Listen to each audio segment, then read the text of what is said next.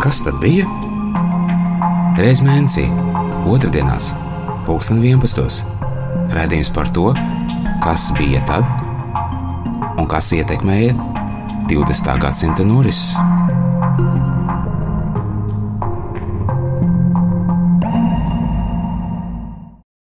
Labdien! Šodien lekciju ciklā Kas bija tad? Okupācijas muzeja vēsturnieki Edvīns Evārds. un Gīns Apals sarunā par Vācu baltiešiem. Raidījuma tapšanu finansiāli atbalsta kultūras ministrija, par saturu atbildīga Latvijas okupācijas muzeja biedrība. Šajā raidierakstu ciklā mums jārunā arī par mazām kumtautībām, to lomu un vietu Latvijas 20. gadsimta vēsturē. Kopš kura laika mēs varam runāt par mazākumu tautībām Latvijā?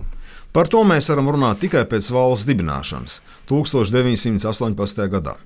18. novembra uzsaukums vērsās pie Latvijas pilsoņiem bez tautību izšķirības.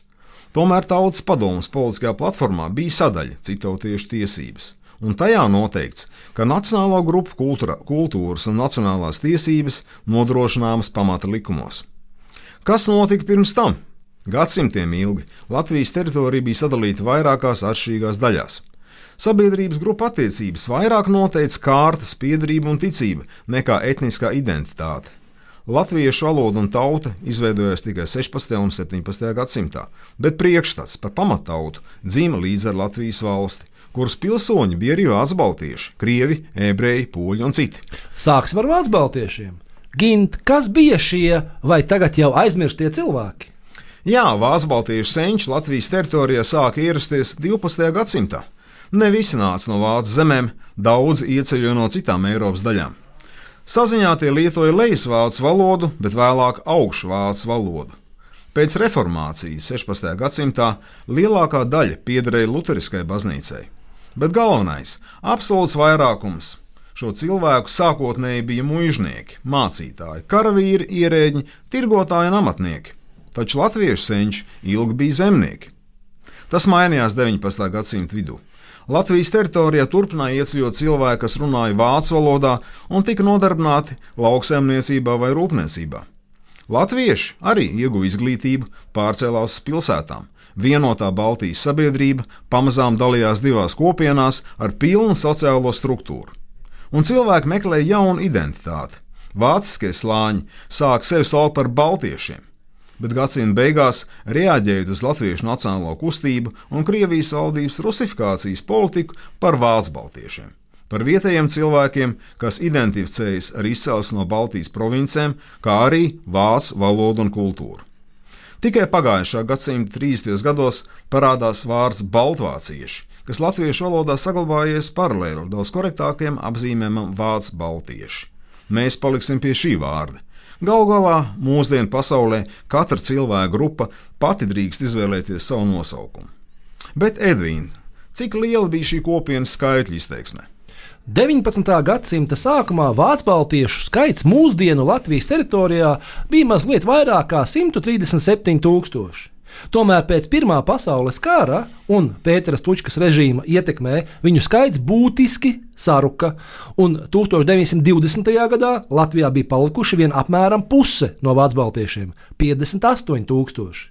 Kara darbībai beidzoties, daļa vācu baltiešu gan atgriezās Latvijā, un 25. gadā viņu skaits pat pārsniedza 70,000, kas veidoja pat 3,9% no visu iedzīvotāju skaita. Lielākā daļa no vācu baltiešiem, 62%, dzīvoja Rīgā, veidojot pat 13% no rīznieku skaita. Tomēr agrārās reformas un citu apstākļu ietekmē viņu skaits saruka. 1939. gadā Latvijā bija reģistrēti ap 54,000 vācu baltiešu. Šeit vietā ir kliedēt dažu pārliecību par visu vācu baltiešu piedarību mužniecībai. Tikai 5% piederēja mužniecībai kā tādai, un 10% kopā piederēja pie tā saucamā augšslāņa, kas bija turīgi un izglītoti pilsētnieki. Vai vācu baltieši baudīja vienādas tiesības ar citiem pilsoņiem, sevišķi latviešiem, vai tautas padomus solījums par nacionālo grupu tiesībām tika izpildīts? Atbilde ir jā. Tomēr ir dažas lietas, kas ir jāizskaidro. Mūžniecībai pirms Pirmā pasaules kara tā baudīja zināmas privilēģijas, kas citiem nebija. Šīs privilēģijas 1920. gadā atcēla līdz ar bruņniecības organizāciju slēgšanu Kurzemē, Vidzemē un Zemgalē. Latvijas satversmes sapulce 20. gada 16. septembrī nobalsoja par radikālu agrāro likumu, kas paredzēja lielo zemes īpašumu atsevināšanu.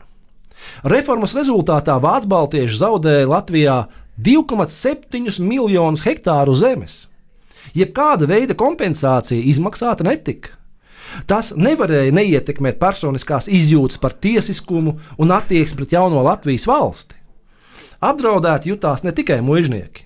Taču, paraugoties no malas tiesību ziņā, Vācu Baltiešu partija bija ceturtā lielākā satversmes sapulcē, Vācu partija bija seši mandāti no 150.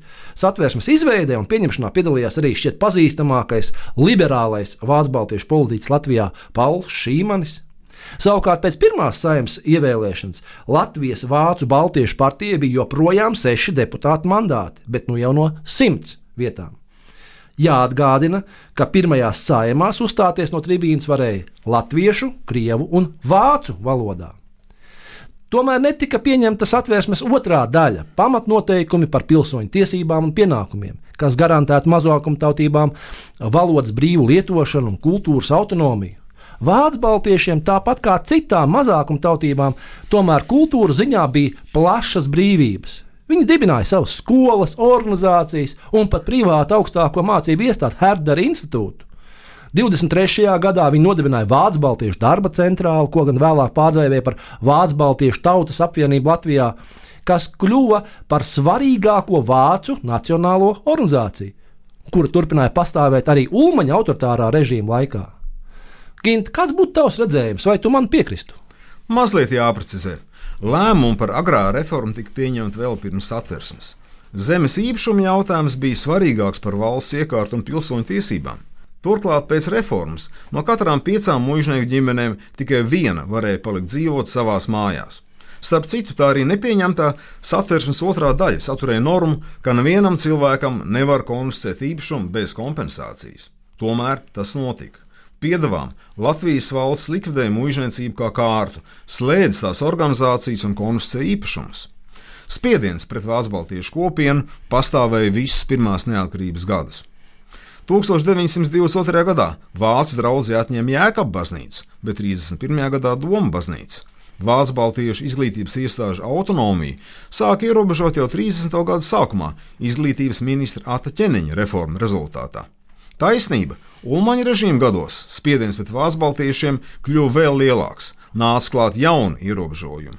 Taču kopumā tas bija parlamentārisma posmā sāktā procesa turpinājums. Nav brīnums, ka šādos apstākļos Vācu-Baltiešu kopiena noslēdzās sevī, konsolidējās un arī radikalizējās. Auga atbalsts nacistu idejām, notika individuāla imigrācija no Latvijas, taču notika arī asimilācija latviešos. Edvīns saka, kas noteica Vācu baltiešu aizbraukšanu no Latvijas? Kad un kā tas notika? To noteica vairāki faktori. Vienotas izpratnes nav pat vēsturnieku vidū, tāpēc šeit minēsim vien dažus svarīgākos. Pirmkārt, jau starptautiskās situācijas izmaiņas, kas padarīja bažīgi salīdzinoši turīgos vāciešus. Bailes no padomju terora atgriešanās bija ne tikai reālas, bet arī pamatotas. Latvija atļāva 39. gada 5. oktobrī savā teritorijā ierīkot padomju karaspēka bāzes. Skaidri iezīmējās padomju okupācijas iespēja.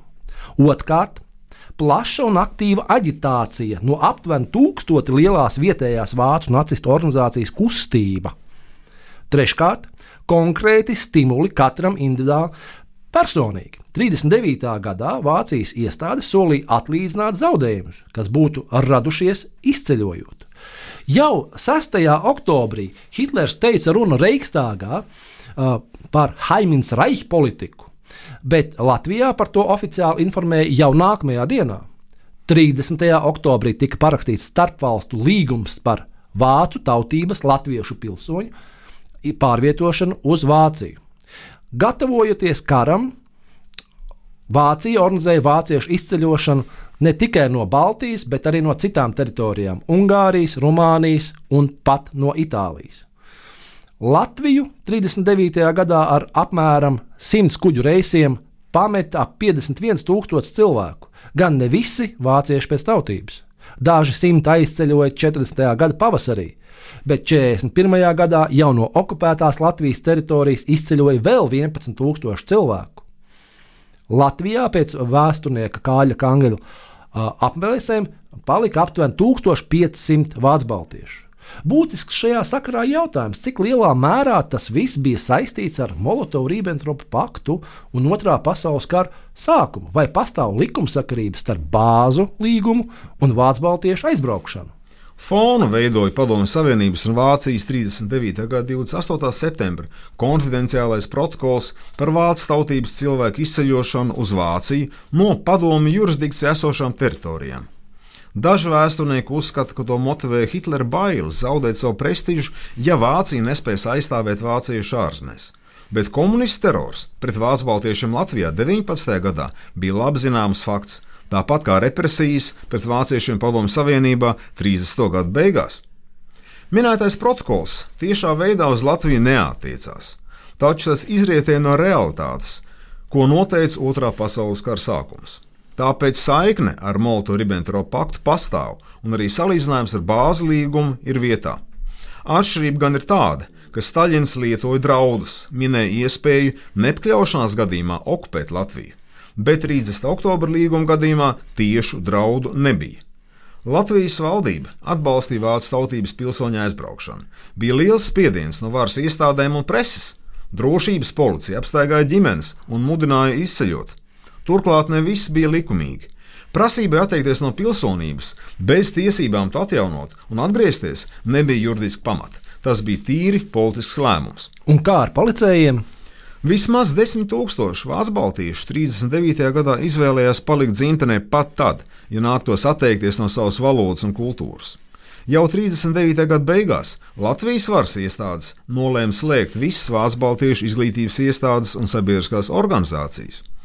Tajā pašā laikā, kā norāda vēsturnieks Kārlis Kangeris, vismaz 2000 latviešu, 1000 ebreju un 2500 citu tautību Latvijas pilsoņu izceļoja uz Vāciju kopā ar Vācu-Baltiešiem.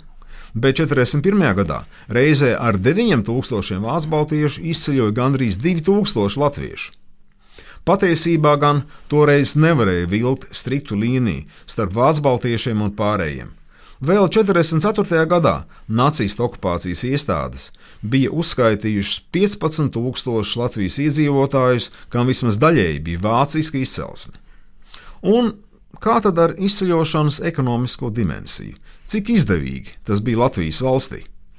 Patiesībā šis jautājums patiešām ir ar vairākām dimensijām, jo vācu baltiešiem kas šeit bija dzīvojuši paudzēm ilgi, saprotams, piederēja gan zeme, gan uzņēmumi, gan visdažādākie citi īpašumi. Vācijas Latvijas līgums visos sīkumos paredzēja lietu kārtošanas secību. Saskaņā ar to Vācu baltiešu nekustamie īpašumi, kurus nevarēja ātri pārdot, pārgāja speciāli tam dibinātā fiduciārās izceļošanas akciju sabiedrības rīcībā, vāciski UTAG, kurai tos vajadzēja pārdot. Latvijas iestādēm faktiski nekavējoties vajadzēja nodot lauku īpašumus. Zeme līgumā tika novērtēta par 200 latiem hektārā, lai gan paši vācu baltieši cerēja saņemt vismaz 300 uh, latus par hektāru. Sanāk, ka līgums bija izdevīgāks Latvijai, bet ir nianses. Visu pārdodamo īpašumu kopējo vērtību Latvija saskaņā ar līgumu apņēmās ieskaitīt Vācijas valsts kontā. Kopumā Latvija uzņēmās lielu ārējo parādu, kas izsauca asas diskusijas Latvijas politiķu vidū. Latvija aprēķināto vērtību apņēmās sekt preču eksporta veidā. Bet vai paši Vācu baltiķi arī piedalījās šajā procesā? Faktiski pašiem vācu baltiešiem nebija balss tiesības lemšanas procesā. Viņi bija saņēmuši tikai Vācijas solījumu, ka īpašuma vērtība tiks kompensēta. Patiešām bieži Vācu baltiešu rīcībā nonāca poļu un ebreju uh, bijušie īpašnieki uh, okupētās polijas rietumu daļā, kas dažkārt bija pat vērtīgāk nekā Latvijā atstātie. Praksē gan Vācu baltieši zaudēja ievērojami vairāk, jo daudzas lietas bija aizliegts vest līdzi - valūtu, vērtspapīrus, mākslas priekšmetus, satiksmes līdzekļus un tā joprojām. Līdzi varēja ņemt 1,50 latus. Latvija visu paredzēto naudas summu tomēr nepaspēja samaksāt. Pēc dažiem aprēķiniem Latvija Vācijai palika parādā vismaz 75 miljonus latu. Viens no neatkarīgās Latvijas žurnālistiem aizbraukšanas laikā minēja, ka tas, ko Vācu baltieši atstāja Latvijā, ir Latvijas vēsture un savu senču kapi. Taču te varētu runāt arī par drošības dimensiju. Vai Vācu baltiešu aizbraukšana Latvijai deva lielāku drošību? Manuprāt, nē. Jau pēc dažiem mēnešiem izrādījās, ka valsts īsti ienaidnieki bija dažādu tautību komunisti un padomju okupanti, nevis Latvijas pilsoņi, kas runāja vāciski. Un otra lieta - kultūras saikne ar Eiropu, ko gadsimtiem ilgi Latvijai deva vācu valoda un vācu baltiešu izglītotie slāņi. Zuda arī tā. Edvīna, kas mainījās pēc okupācijas 40. gada vasarā? Padomi vara sarunās ar Vāciju uzsvēra, ka tā brīvprātīgi pārņem Latvijas saistības, bet tas nav tās pienākums. Visiem Latvijas iedzīvotājiem, arī vāciešiem, tika uzspiesta padomju pilsonība, Tas izsauca neizpratni un nepatiku Vācijas ierēģos, pat attiecību sāsināšanos, jo nebija skaidrības ne tikai par Latvijā palikušo mm, vācu baltiešu īpašumiem, bet arī par neizmaksātām summām Vācijai par 39. gada izceļotāju īpašumiem. Lielākā daļa palikušo vācu baltiešu pēc padomju varas pasākumiem izteica vēlēšanos tomēr doties prom no jau no okupētās padomju Latvijas. Lēmums par pēcizceļošanu Vācu pusē tika pieņemts 40. gada augustā. Sarunās ar padomju pusi noritēja smagnēji un beidzās vien 41. gada janvārī. Gala rezultātā PSRS uzņēmās samaksāt Vācijai 150 miljonus astoņos maksājumos. Eh, šajā reizē lielākā daļa pēcizceļotāju devās prom eh, pa dzelzceļu. Latviju pameta gandrīz 11,000 cilvēku. Kas notika tālāk ar vācu baltiešiem? Te Latvijā un ārzemēs. 45. gadā no Latvijas tika izsūtīti vismaz atlikušie 500 vācu baltieši. Vēl citi slēpj savu izcelsmi, lai izvairītos no padomu režīma diskriminācijas un arī no latviešu negatīvās attieksmes. Sekas bija pilnīga asimilācija. Latvijas senākā mazākuma tautība beidz pastāvēt. Ārzemēs Vācu baltieši piedzīvoja traģisku likteni. Vēsturnieks Raimons Cerūzs norāda, ka apmēram 20% gāja bojā jau kara laikā. Tas ir divas reizes augstāks procents nekā vidēji Latvijas pilsoņiem. Atpaliek vienīgi no ebreju kopienas zaudējumiem, jo 75% Latvijas ebreju tika noslapkavoti holokaustā. Vācu baltieši vēlāk izklīda visā Vācijas teritorijā, bet apmēram 10% izceļojas Kanādu, ASV vai Austrāliju. Vai Vācu baltiešiem saglabājās saikne ar Latvijas valsti, vai notika sadarbība ar trimdas organizācijām? Saikne ar Latviju daudziem bija stipra. Pēc kara bija gadījumi, kad Vācu baltieši vēlējās saņemt Latvijas pases sūtniecībā Londonā, taču viņiem tika atteikts. Vēl citi mēģināja pievienoties latviešu bēgļu nometnēm Vācijā, taču tika pazīti nometņu administrācijas nostājas dēļ. Diemžēl norobežošanās no vācu baltiešiem trimdā turpinājās. Latviešu trimdas organizācijas tika veidotas pēc etniska principa, bet kopīgas Latvijas pilsoņu pārstāvības struktūras nekad nebija. Pastāvēja tikai sadarbība ar individuāliem vācu baltiešiem, krieviem vai ebrejiem. Un mūsdienās? Visi 41. gada izceļotāji neapšaubām saglabāja tiesības uz Latvijas pilsonību un tiesību īpašumu tiesību atjaunošanu. Taču tās īstenoja tikai daži parasti tiesas ceļā, jo Latvijā saglabājas aizspriedumi. Ļoti lojālais profesors Dītris Lebers bija spiests atjaunot savu pilsonību Latvijas tiesā. Tādā pašā situācijā varētu būt visi mazgadīgie vācu baltieši, kam 39. gadā atņēma Latvijas pilsonību. Tātad daudzi tūkstoši, bet atjaunotajā valstī laikam gan viņi nebija vajadzīgi. Cita nepabeigta lieta, par ko vēsturniekiem jāturpina runāt. Ja Latvijas suverenitāte tika ierobežota jau 39. gada rudenī, ja Latvija faktiski kļuva par padomju protektorātu, ja Molto-Ribbentrop pakts iezīmē ceļu uz okupāciju, tad vajadzētu mainīt skatījumu arī uz Vācu baltiešu izceļošanu. Tā bija brīvprātīga, tikai nosacīta. Uz kuģiem Rīgas ostā cilvēki dziedāja Latvijas himnu. Daudz sirsnīgi atvadījās no latviešu draugiem un kaimiņiem. Manuprāt, Tas bija Latvijas tautas pirmais lielais zaudējums garajā okupācijas stāstā. Un šodien, gan morāli, gan vēsturiski, būtu pareizi atzīt Vācu baltiešu par dabisku Latvijas tautas daļu no visiem viedokļiem. Paldies par uzmanību! Ar jums bija vēsturnieki Gīns Apals. un Edvīns Evarts. Paldies! Kas tad bija? Reiz mēnesī, otrdienās, pulksten 11. Radījums par to, kas bija tad un kas ietekmēja 20. gadsimta norises.